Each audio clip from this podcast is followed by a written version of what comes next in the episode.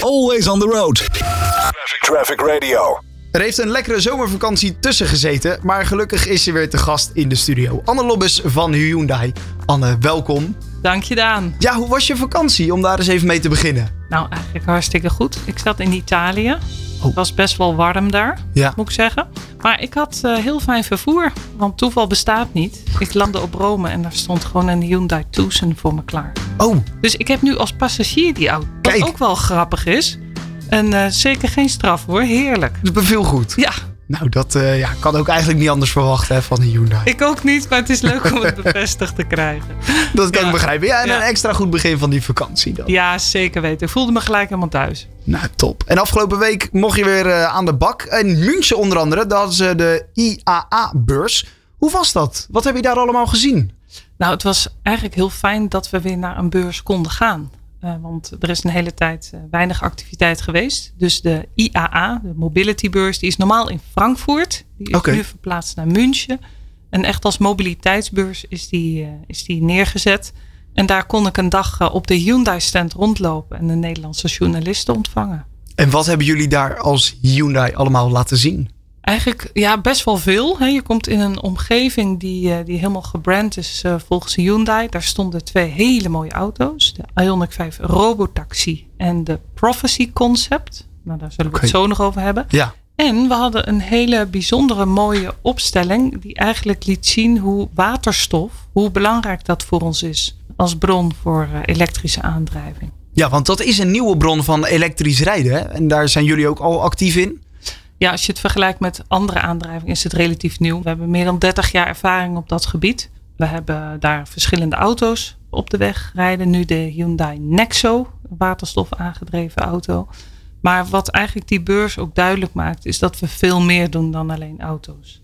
Je had het net over die Ioniq 5 Robotaxi. Dat is echt een zelfrijdende auto. Ja, Dat gaat, nou ja, de toekomst is dat eigenlijk toch? ja, ja je wordt echt ook op zo'n beurs de toekomst ingeworpen. Als je kijkt wat er kan en, eh, en hoe dat eruit ziet.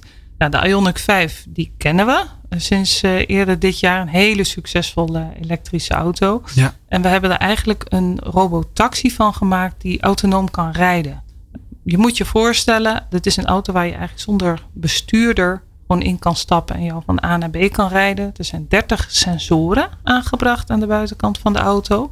Om continu een 360 graden beeld te garanderen. Zodat je niet voor verrassingen komt te staan. En op die manier kan je hartstikke veilig gewoon onderweg. Ja, ja absoluut. En, en in Korea doen ze ook al van dit soort testen met, eh, met Hyundai bussen. Dus die kunnen ook al autonoom van eh, bushalte A naar B rijden. Dus zijn daar heel ver in. Dat is echt een soort science fiction. Maar eigenlijk Ja. wordt het gewoon realiteit. 2023 zo'n beetje dat, dat dit op de weg gaat komen. Dat is de doelstelling inderdaad van het merk. Dus eh, ja, we gaan het zien. Zoals het er nu uitziet, eh, moet regelgeving daar nog aangepast eh, worden. Maar wij zijn al heel ver. We zijn er klaar voor. Ja, dat is goed om te horen. Nou ja, Ionic, waar jullie natuurlijk al als merk ook eh, een onderdeel van de Hyundai enorm vooruitstrevend in zijn, het elektrisch rijden. Het heeft namelijk ook de toekomst, het elektrisch rijden. Hoe ziet het lange termijn plaatje voor Hyundai er dan precies uit over het elektrisch rijden? Ja, we hebben eigenlijk op de beurs in München bekendgemaakt dat na 2035 alleen nog maar elektrische Hyundai's in Europa op de markt komen. Nou, dat is best wel, best wel een dingetje. Ja, dat is een grote Ehm, stap. Dat is een grote stap, maar we zijn er absoluut klaar voor. Want als je nu al een showroom binnenloopt en je koopt een Hyundai, dan is de kans levensgroot dat je al een vorm van elektrische aandrijving met je mee naar huis neemt. We hebben namelijk mild hybrid, hybrid, plug-in hybrid, 100% elektrisch en waterstof elektrisch. In 2035 dan alles wat je van Hyundai koopt, dat is, Is elektrisch. dan elektrisch. Ja, en het bedrijf heeft nog een ambitieuzere doelstelling neergelegd. En dat is om in 2045 als bedrijf volledig CO2-neutraal te opereren. Oké, dat, is, dat is helemaal Ja. een, grote, Ja. een groot doel. Ja, absoluut. Zeker als je bedenkt dat Hyundai eh, veel meer doet dan alleen auto's op de markt eh, zetten. Zij zijn heel druk ook met eh, alles wat de logistiek betreft. Aanleggen van havens als er ergens vervoer moet komen. Nou ja, heel breed eigenlijk. Dus om die doelstelling zo neer te zetten, dat vind ik echt van lef getuigen. Veel meer dan alleen de auto. Ja, beslist. Ja. CO2-neutraal, 2045 Hyundai. Mooie doelstelling. Ja. Nou ja, en jullie zijn er hard op weg om daar in ieder geval veel kennis over op te doen. En wat ik ook gaaf vond, wat je me doorstuurde, was een linkje over de Hydrogen Vision 2040. De Hyundai's route naar een wereldwijde waterstofsamenleving. Ja. En daarin nou ja, stonden allerlei ja, futuristische concepten die, ik- die ik heb gezien over een trailer drone. Ja. Waar je nou ja, eigenlijk gewoon een vrachtwagen, maar dan nou ja, op waterstof dus. Ja. En zonder bestuurder. Ja. Ja, het is eigenlijk, je moet je voorstellen, ehm, nu heb je zeg maar containers die moeten worden vervoerd. En dit is een systeem waar je containers zo op kunt klikken en die autonoom hun weg vinden. En eh, van A naar B worden gestuurd. Ja. Zo'n tra- trailer drone concept, dat past helemaal in, in de visie van hoe we dat op de toekomst, ja, hoe we dat voor ons zien. Ja, want ook met de kennis die, wat je net dus al zei, Hyundai heeft in het logistieke werk. Met treinsporen en allerlei van dat soort dingen.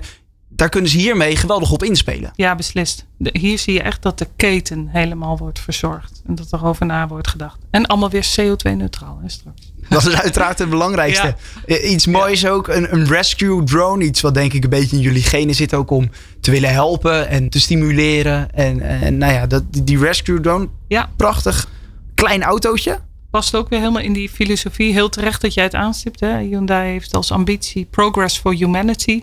Dus alles wat we doen moet daarin passen. Moeten mensen verder helpen. Nou, dit is een voertuig wat je autonoom en op afstand kunt besturen. Wat eigenlijk als een soort brandweerwagen of reddingsvoertuig kan eh, fungeren. Nou, we hebben een tijdje geleden al gepraat over het feit dat we Boston Dynamics, dat we daar een meerderheidsbelang in hadden genomen.